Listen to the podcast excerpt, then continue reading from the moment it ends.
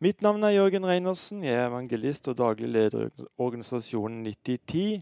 I dag befinner jeg meg på Storstua omsorg- og konferansesenter i Røyken kommune, som ligger litt øst for Drammen. Har fått en liten omvisning her, og det er en stor og flott sted som de har eh, lagt til her med herlig rekreasjon. Det er mye møtevirksomhet og sånn. Det skal vi komme tilbake til etter hvert. Denne ukas gjester er lederne her på Storstua, Heidi og Geir Korneliussen. Velkommen som gjester i Dette er mitt liv. Tusen takk. Takk skal du ha. Vi skal være litt tro mot programtittelen og være høflige mot damene og starte med deg, Heidi. Hvordan var barndommen din? Jeg hadde en helt vanlig barndom. Jeg vokste opp i et trygt og godt hjem. Eh, jeg, eh, Foreldrene mine var ikke personlig kristne, men eh, vi, jeg gikk på søndagsskolen og, og var i kjerka til jul og, og barnedåp og konfirmasjon og sånne ting. da. Men etter hvert så, som jeg vokste, så jeg flyttet ut som 16-åring, begynte på folkehøyskole. Så merka jeg den tida at Gud begynte å kalle på meg, men jeg tenkte at det får jeg vente med til jeg blir gammel da kan det være greit å liksom ta imot Jesus og bli en personlig kristen. For jeg syns det så litt kjedelig ut, skjønner du. Men uh, tida gikk nå, og jeg fant meg en uh, mann. Og etter hvert så blei det Fikk jeg fire barn. Eller egentlig, jeg fikk fem barn. Jeg mista én underveis der. Uh, men det blei også et brokete ekteskap, da, så det gikk, gikk gærent. så etter det, så da hadde jeg det såpass tøft at det, da skjønte jeg at nå måtte, måtte, det skje noe med livet mitt. Og da var det det jeg begynte å søke Jesus. Mm. Så da tok jeg mot Jesus. Mm -hmm. Fantastisk. Og du, Geir? Ja, det er jo en lang historie, det òg. Jeg er jo oppvokst i Oslo, da, på verste østkant på, på Stovner i Oslo. Uh, vokste opp i et alkoholikerhjem og masse problemer. Og fikk jo da den type venner som hadde av samme oppveksten og sånt noe. Og livet endte jo i, i, i, rusmidler, da. Jeg var jo sånn at jeg hadde jo bestemt meg for at det som jeg hadde vokst opp i, det skulle jeg ikke sjøl havne i. Men uh, den gang ei. Det var den veien det gikk. Og så til slutt så endte jeg jo på Evangeliesenteret for å gjøre en lang historie kort. Og der fikk jeg jo oppleve Guds kraft, eh, noe jeg egentlig ikke trodde på. Men, men eh, det gjorde at det blei en forandring i mitt liv. Og så kan du si det at uh, før den tiden da, så traff jeg jo Heidi. For jeg var i siviltjeneste i, i Vikersund, der hvor hun kommer ifra. da. Eller mellom Vikersund og, og, Hønefoss. Og da var vel der jeg begynte å oppleve Gud. For jeg var på, i siviltjeneste på et kristen plass rehabilitering, og spilte jo for disse folka for hjem at jeg var musiker og sånt noe. Så tenkte jeg det kan jeg jo være med på. Og sånt noe. Og det at de sang og prisa Herren og alt det der, der, det var jo greit. Men når de begynte å be, og det begynte å skje tegn og under som jeg ikke hadde tro på, da skjedde det noe i mitt indre ikke sant, som gjorde at jeg forandra mening og tok imot Herren. Sterkt. Um, du eh, vokste opp på et barnehjem. Ja, jeg har vært på barnehjem i uh, Hva skal man si for noe? Først da jeg var liten, fra jeg var to til rundt fire år eller noe sånt noe. Det er jeg ikke helt sikker på den tiden der, men så var jeg på noe som heter Weissenhuset fra jeg var uh, ti til jeg var tolv. Og det også var jo, du kan si, ikke noen god opplevelse. Men, for der putta man jo inn folk som hadde problemer, altså barna til folk som hadde problemer. Og problembarn sammen sånn, det var jo ikke bra. Så det var vel der det hele starta, med rus og røyking av hasj og stjelesykler rundt omkring og sånt noe. Så det var jo ikke noe særlig bra. Du begynte ganske tidlig å ruse deg? Begynte vel som elleveåring, husker jeg, bak uh, skolebygget der og blei lokka fram til å være med og røyke hasj og, og, sånt noe. Så det, det var tidlig. Ble det kriminalitet også, eller? Det blei det jo. Så første gangen jeg stjal, liksom sånn, det var jo mens jeg var der. Sammen med noen som er ganske bra kjent i det kriminelle miljøet i dag, uten å nevne navn. Så det, det er jo Der begynte faktisk hele greia. Dessverre. Ja, Heidi, du eh, delte at du mista et barn. Ja, jeg mista et barn eh, i krybbedød. Det var like før jeg på en måte Da merka jeg også at Herren begynte å kalle mer og mer. For jeg eh, hadde faktisk Eller i familien så var det tre dødsfall på tre måneder. Mista først faren min. Eh, det var mens jeg var gravid. da. Og så halvannen måned etterpå så mista jeg bestemora mi. Og så fikk jeg da det lille barnet, Jon Arne. Og så døde han i krybbedød halvannen måned etterpå. Så det var tre, tre stykker i løpet av en, eh, en tremånedersperiode. Eh, men det jeg husker jeg tenkte da, at eh, jeg var så glad de to andre hadde gått foran bestemor og far, for da visste jeg at det da passa dumt på lillegutt. Mm. og, og, og, jeg trodde jo det at han kom til himmelen, ikke sant. Og så hadde jeg en visshet om det. Så, så jeg merka at Herren kalte veldig på i den tida der. Så det var en tøff tid. Men, men man kommer igjennom det òg. Men det er jo alltid et savn, da. Det er det. Ja, det er klart. Mm -hmm. Geir, kan ikke du fortelle første møte med Heidi? Ja, det er jo litt av en historie, det også. For det, egentlig så skulle ikke jeg ha noe kjæreste med mange barn og sånt noe, men en blei nå forelska oppe på, på, dette her eh, stedet hvor jeg var i siviltjeneste, for det var der jeg møtte henne. Og flytta vel inn og tenkte det at det der blir jeg en liten stund. Ta med meg liksom sakene mine, har det trygt og sånn, og så drar jeg videre, liksom. Og, og sånt noe. Men Herren ville det annerledes. Så i det momentet der så gjorde han noe både med Heidi og meg, og vi tok et standpunkt for, for, for Gud der, ikke sant.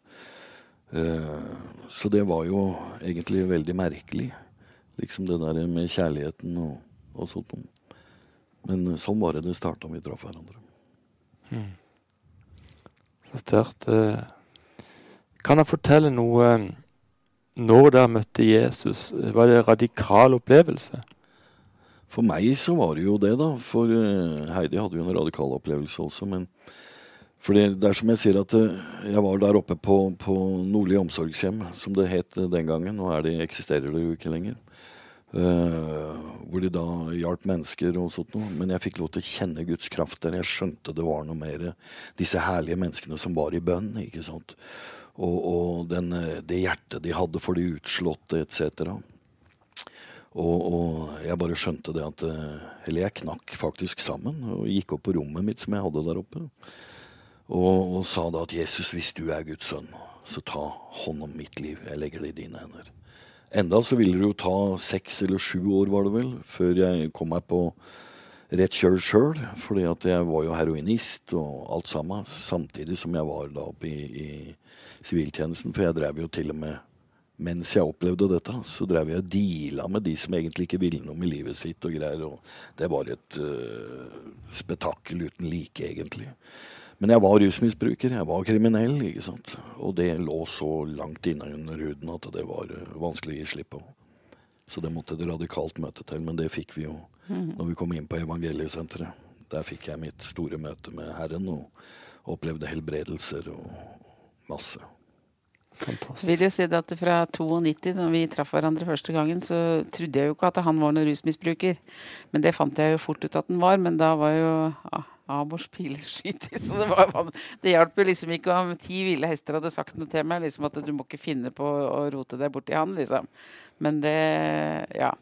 Det gikk noe sånn. Og, og eh, vi levde jo ikke noe Altså, jeg vil si de sterkeste tida i min kristenopplevelse, min frelsteopplevelse, vil gjerne, eller uh, liv, det vil være den tida fra eh, 92 og fram til vi kom inn på evangeliesenteret i 97. Eh, jeg føler at jeg opplevde veldig mye med Herren den tida der. Hvor jeg virkelig trengte den hele veien. For det var jo ikke noe eh, dans på roser i den perioden der, da, for å si det sånn. Eh, vi var glad i hverandre, og Geir var snill og grei, og han eh, tok, tok seg av meg og unga på sin måte, holdt jeg på å si. Så, så, vi hadde det godt sånn. Men det er klart at rusen, den kommer jo først eh, eh Første Første rekke? Ja, første rekke. Så alltid, liksom. Så, men etter hvert, når vi hadde vært eh, sammen i halvannet år, så fikk vi en datter, Maria. Så da hadde vi plutselig fem jenter. så jeg hadde fem jenter og en rusmisbruker. Og ja, hadde, det var faktisk flere rundt der, og broren min var der, og ja, som også sleit. Så, så det var en veldig tøff periode, det der. der. Men jeg merka Herren var med. Styrke og kraft. Ja. Og etter hvert så ble det giftermål også? Ja, når vi skulle inn på evangeliesenteret, så da måtte vi jo gifte oss. Skulle vi få lov å bo sammen. Og vi kjente jo at det var riktig at vi skulle gjøre det òg, da. Så, og det var jo egentlig da på en måte omvendelsen starta i oss begge, egentlig. For jeg var kommet såpass langt ned eh, at når vi skulle inn på Før vi kom inn på senteret, da, så, så, kjente jeg at jeg var såpass sliten av, av, alt, så jeg sa til Geir at nå må du enten velge meg og unga eller rusen. Da kjente jeg at nå orker jeg ikke mer. Og for min egen del òg, for jeg, jeg, vil si jeg blei jo som en rusmisbruker i huet, bare at jeg brukte ikke rus. Så, så jeg kjente at det, det måtte skje en, en forvandling. Så, men Geir valgte at vi skulle reise inn på evangeliesenteret. Og det kjente jeg liksom at det var en sånn visshet jeg hadde fått, at vi skulle reise inn hele familien. Fordi om ikke jeg hadde noe eh, rusmisbruk sånn sett, så var vi, eh, vi skada på en måte hele familien, og vi trengte å bygges opp sammen. Så eh, i januar i, 2000, nei, i 1997 så kom vi inn på evangeliesenteret. Geir og jeg og fire unger og ei potteplante. mm. Ei gummiplante, stemmer det. Var en spennende tid, det der, egentlig. Å tenke på det, hvordan Herren har leda oss i alle disse årene fram til nå i 20 år. Mm. Men eh, hvordan det hele starta, og hvordan han førte oss sammen og redda familie og, og hele greiene. Og, og, jeg tenker på, jeg kommer jo inn på, på inntaket i Drammen. Og der var det jo en radikal finne som har vært her på Storstua en del og forkynt. Han jobba jo da der etter at han sjøl hadde blitt rehabilitert. Og, og hadde jo en voldsom tro. Og så sier han det at uh, jeg var jo venta jo på å bli sjuk og få abstinenser og alt dette. Så sier han det at er det noen som vil bli bedt for, for de hadde en andakt da. Og jeg var ikke akkurat i rette humøret der og da, selv om jeg hadde tatt imot Jesus. Så jeg sier til henne at ja, kan komme hit og be for meg, for jeg ser om denne Jesusen din funker. Så jeg var liksom der. Og så kommer han bort, da tidligere alkoholiker fra Finland, skikkelig radikal fyr, og så legger han hendene på meg, og så kommer Guds kraft.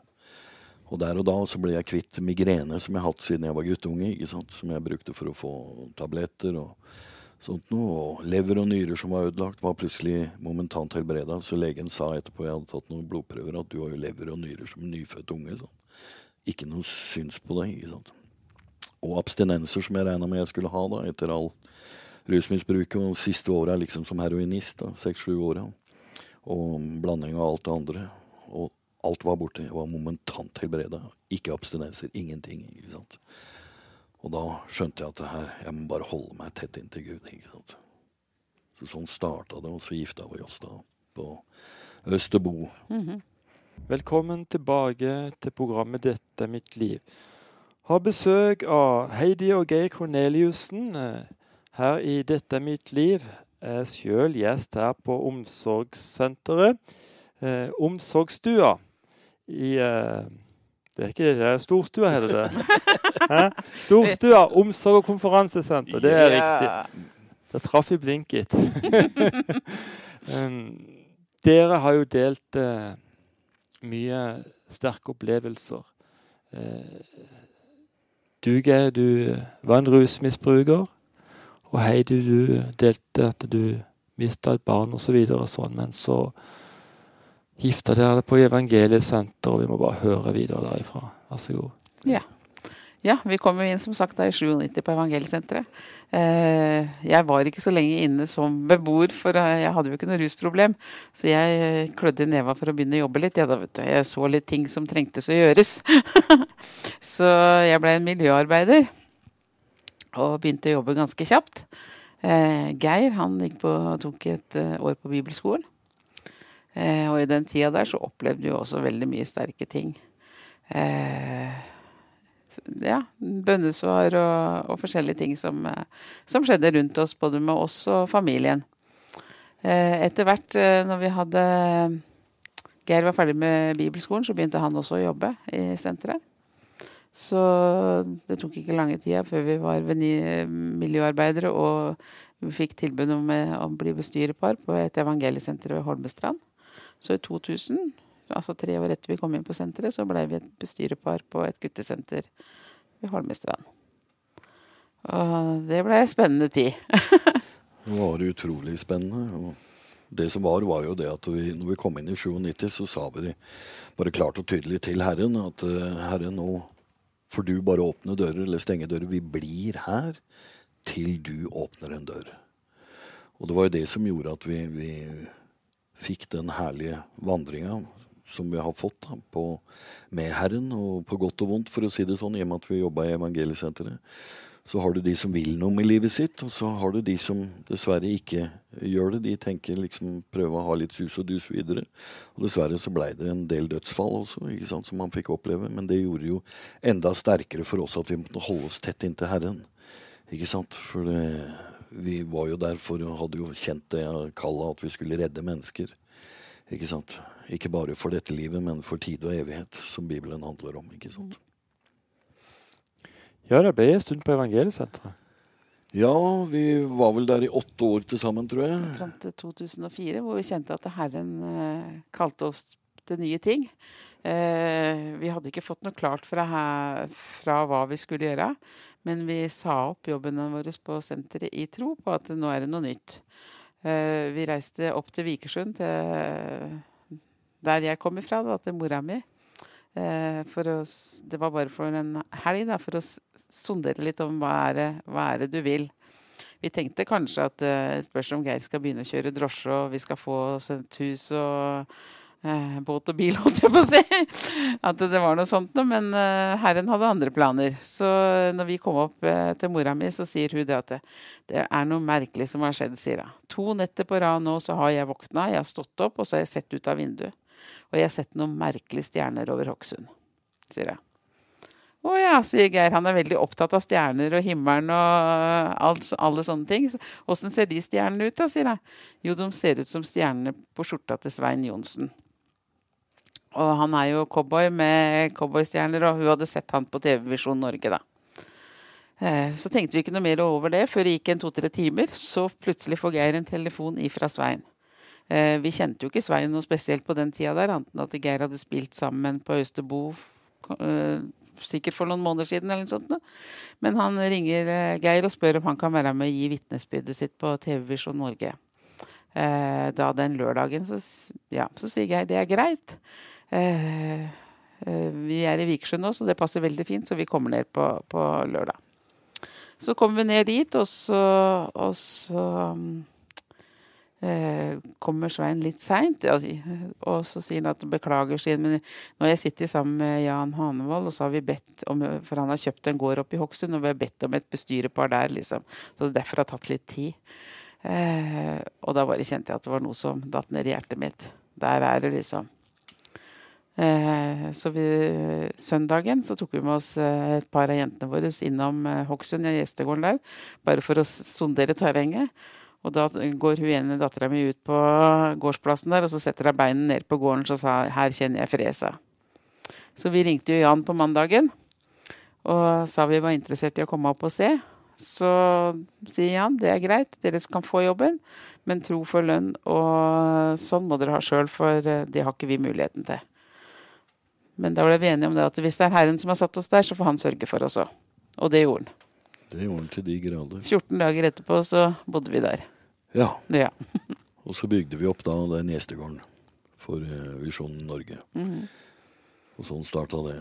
Med bibelskole og det som de har der, og møtene. Og der fikk vi oppleve utrolig sterke ting. da. Vi har jo henne et av de sterkeste tingene som var der, var jo første året hvor vi hadde teltmøter der, hvor henne Odny, tror jeg hun heter. Uh, hun kom jo både på TV 2 og i alle landets aviser, nesten.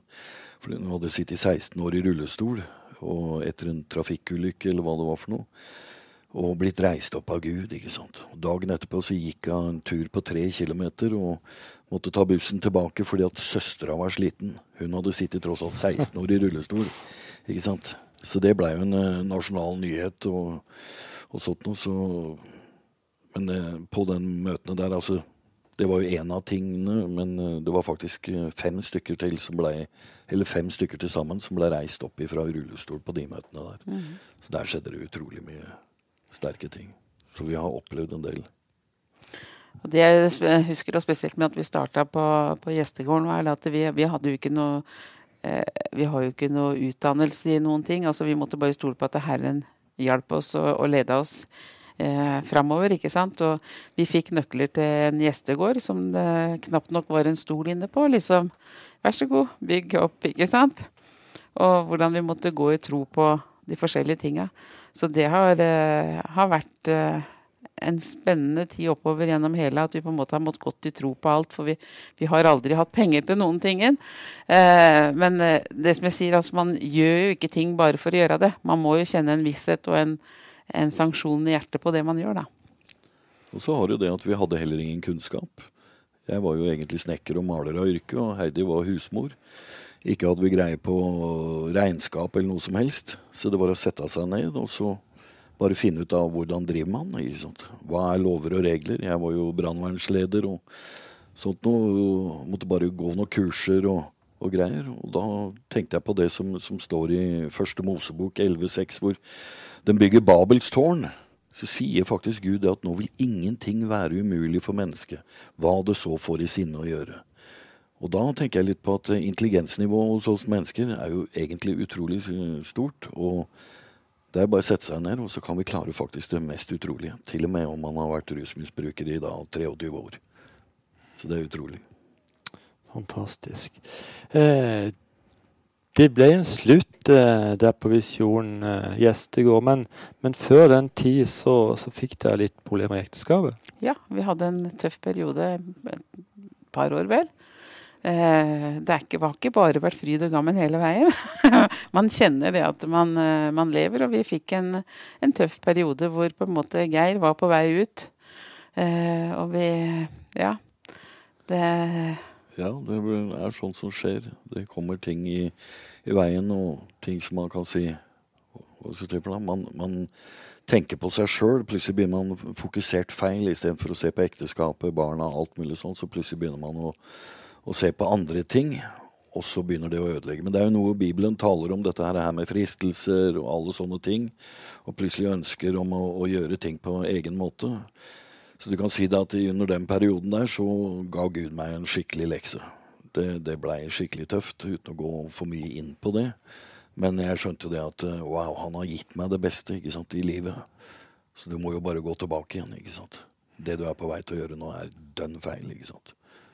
Samtidig som jeg også merker at Herren jobba med meg, for det er jo alltid to sider av en sak.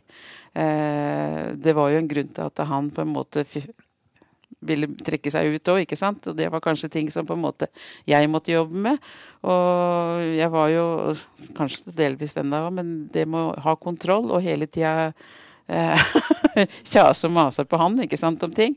Og det å lære meg å kanskje holde munn i saker og ting, for det om jeg veit jeg har rett, eh, der hadde jeg virkelig noe å lære, for å si det sånn. Så det var en skikkelig lærepenge for meg. Han ble vel helt, aldri helt utlært i ekteskapet? Nei, jeg gjør ikke det, vet du. Ja, ikke det. Men så uh, havna dere på Hallingskarvet? Ja. Vi, uh, Jan ringte til meg en dag og sier at jeg har sett på et hotell oppe i Hallingdal eh, som jeg kunne tenkt meg å kjøpe. Hadde dere vært interessert i å drifte av det? Eh, eller å starte av der oppe, da. Eh, så kjente jeg bare en sånn enorm glede. Eh, og eh, så sier jeg jeg må jo snakke med Geir først. Så vi fant ut at vi Ja, så la jeg på telefonen, og så gikk det et par dager til. Og så ringte Jan igjen så sier nå er jeg oppe i Hallingdal her, vil du komme opp og se, liksom. Så vi heiv oss i bilen og dro opp til, til Hallingskarvet og kommer ned til, opp der eh, midt på vinteren til et nedlagt hotell som ikke hadde vært i drift på sju-åtte år. Uh, ja, det så ikke ut der. Men vi kjente bare en sånn glede og bare kjente yes. Så liksom uh, et uh, en uke etterpå, fredagen etterpå, tror jeg, så var vi oppe og henta nøkkelen og begynte å ordne. Da var det ikke vann, og ikke, ja, vi satte på strømmen den dagen, og det var jo i februar måned, så det var ganske kaldt. Eh, men det som var greia der òg, var jo det at han lurte på om vi ville drifte det. Og der igjen så hadde vi jo ikke penger. Vi visste ikke åssen det var å drifte egentlig sånn i den forstand. Så, men vi sa ja. og starta. Så den første perioden der, da var, gikk det jo med å få på vann og få eh, ordna og vaske og sånne ting. Så halvannen måned etterpå så hadde vi det Det var påsken, og da skulle vi ha den første konferansen der oppe. Jeg venta 60 gjester uten mat. vi hadde ikke mat, ikke hadde vi penger. Ingenting. Eh, og jeg bare sa, ringte ned til Jan så sier jeg at jeg trenger hjelp. Nå Om eh, noen dager nå så trenger jeg mat til 60 gjester, og jeg har ingenting. Ja, Vi får bare takke og be for det vi har og ikke har, sa han.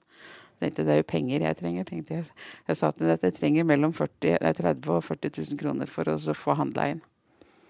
Eh, mens vi ber, så hører jeg det er noen som ringer meg.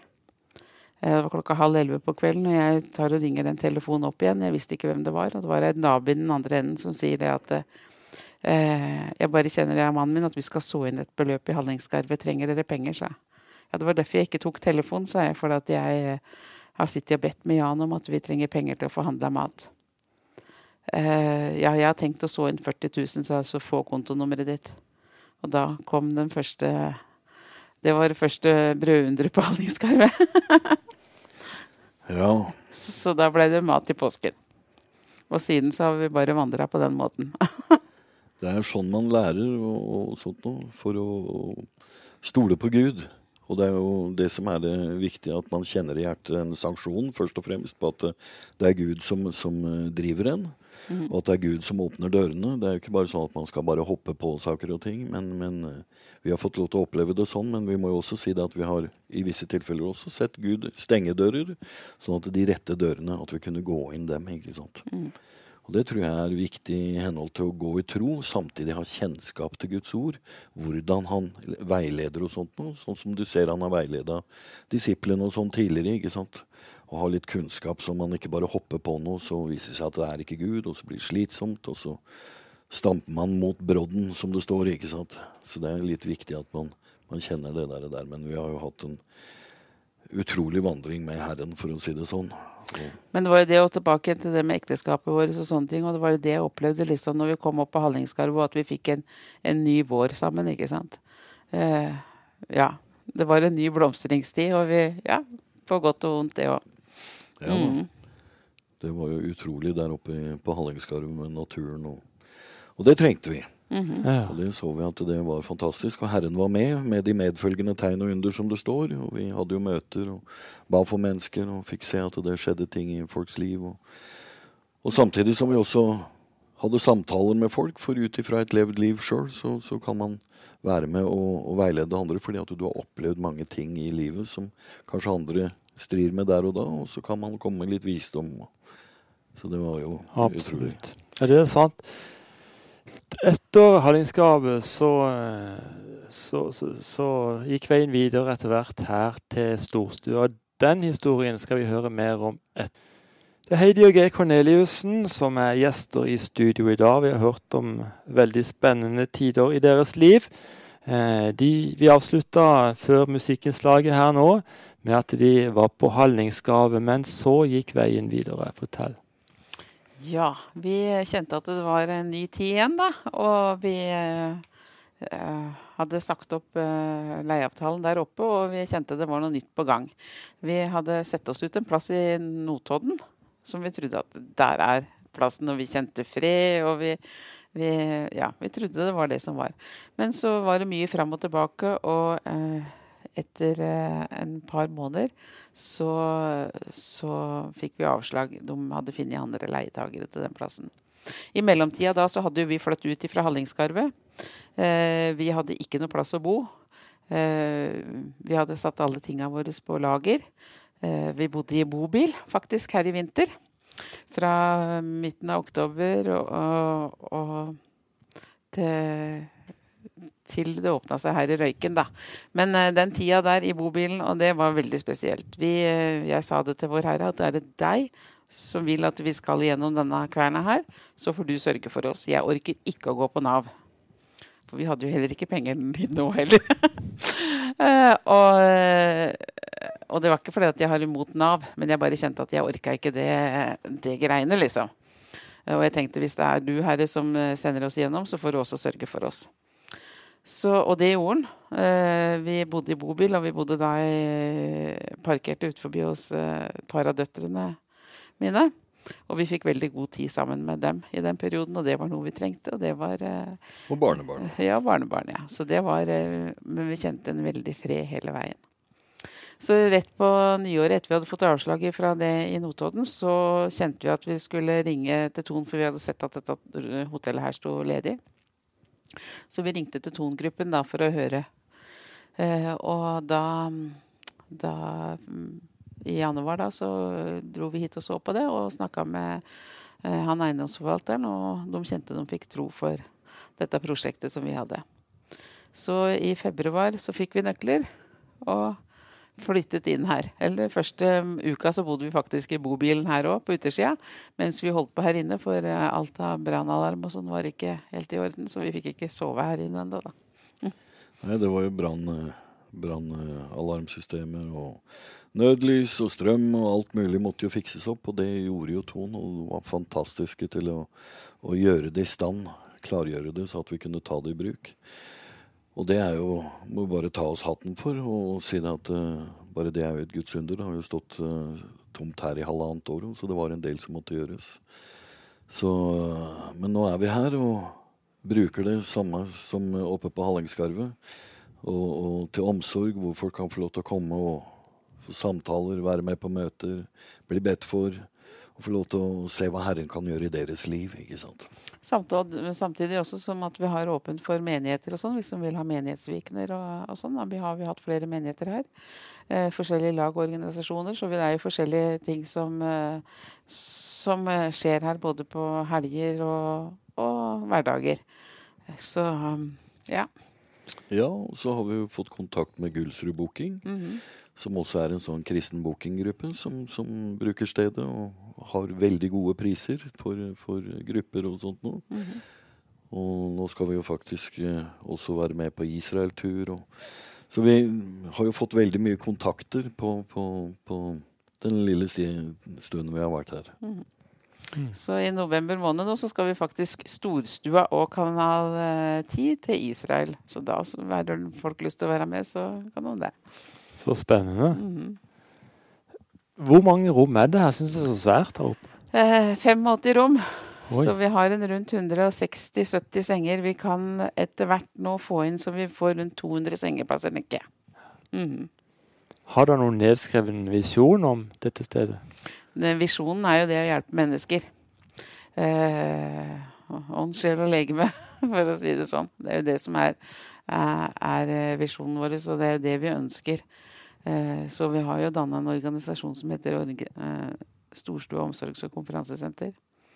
Så, og det som jeg sier i forhold til det med folk på ettervern og sånn, som kanskje har vært ute i rus eller, eh, eller andre ting, som trenger å ha en plass å være i et fellesskap så er dette en ypperlig plass. Og så kan man få være med, gjøre, være med i arbeidstrening og sånne ting her, for det er alltid en del å finne på. Og så har vi møter hver kveld. Eh, forskjellig undervisning og sånn. Mm -hmm. Er det tilknyttet et spesielt kirkesamfunn? Her er det åpent for alle. det hørtes veldig bra ut. Ja. Eh, det er jo ganske rimelig å bo her. Eh, Snaue 1000 kroner for et eh, dobbeltrom. Hvordan kan det holde sånne priser? Vi, nå har vi jo en del frivillige arbeidere her, og det er jo sånn flere av dem som er her på sjøl til sjølhjelp, for å si det sånn. Som er med og bidrar, fordi at de sjøl òg trenger å ha et fellesskap. Eh, så, så, det er også Og så ønsker vi, har vi litt tro for det, og at, eh, at når det er rimelig, så kan flere ha muligheten til å komme, så da blir omsetninga større likevel. På møtene og sånn så tar vi opp kollekt og sånn òg. Så vi har jo stort sett aldri noe seminaravgift og sånne ting. For jeg er litt mer heller at vi må ha litt tro for at det, det, skal gå rundt. Og da kan de som har penger, være med å gi litt ekstra. Og de som ikke har, kan likevel få muligheten til å komme og oppleve noe. Um, hvis man skal til Østlandet sånn bare for en natt eller to, uh, kan man komme innom da også, eller er det kun når det er konferanser? Nei, her er det oppe hele tida for alle. Vi er inne på booking.com også. Ok, ja. ja. Og så tenker jeg på liksom sånn, For å reklamere litt, da, så vi jo, er vi jo utafor bomringen i Oslo. Og så har du jo muligheten til å dra på til Tusenfryd herifra gjennom Oslofjordtunnelen, og den er gratis. Og, og, flere sånne ting liksom sånn rundt her, hvor man da slipper å kjøre gjennom bommen hvis man ikke absolutt vil se noe inne i Oslo. Så det er litt sånn egentlig veldig sentralt beliggende. Og landlig. Ja, veldig nydelig her oppe. Absolutt. Eh, dere har i dette programmet delt en del utfordringer i eh, livet. Vedrørende rus og samlivsproblemer eh, osv. Og, så sånn. og vi vet jo at det sitter en del eh, mennesker som opplever akkurat uh, tøffe tider. Uh, har dere noen ord til de? Ja, det er jo dette her med å være fylt av, av Guds kjærlighet.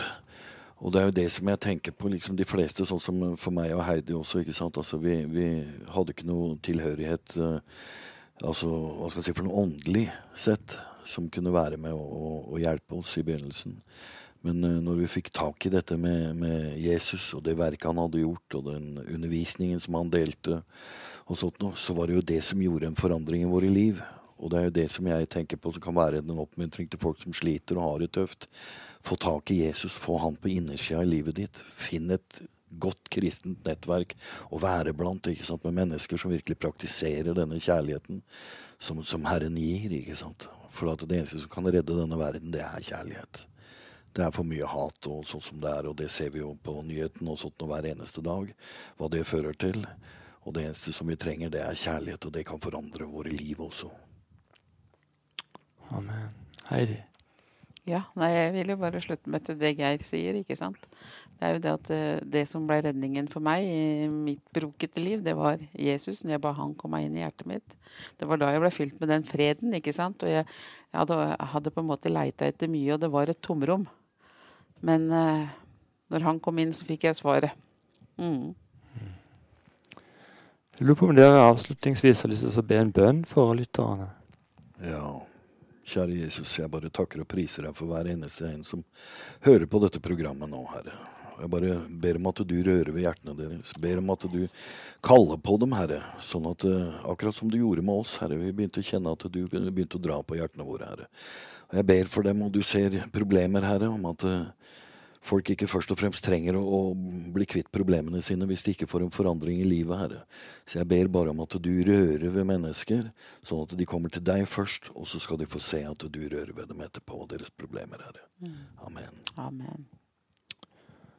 Heidi og Geir Korneliussen, hjertelig tusen takk for at dere stilte som gjester i denne programserien 'Dette er mitt liv'. Må Gud rikelig velsigne dere deres familie og deres virke i årene framover. Mitt navn er Jørgen Reinholdsen. Neste uke er jeg tilbake på samme tid og på samme kanal med en ny spennende gjest i denne programserien som altså heter 'Dette er mitt liv'. Følg meg gjerne også på Facebook. Jørgen Reinholdsen, altså. Da får du informasjon om gjester fremover og ulike aktiviteter vi deltar på. Helt på slutten så vil jeg bare dele et bibelvers med deg. Hvis Sønnen gjør dere fri, da blir dere virkelig fri. Så vår anbefaling er fra storstua det er å si ja til Jesus. Da blir du virkelig fri. Vi takker så mye for i dag.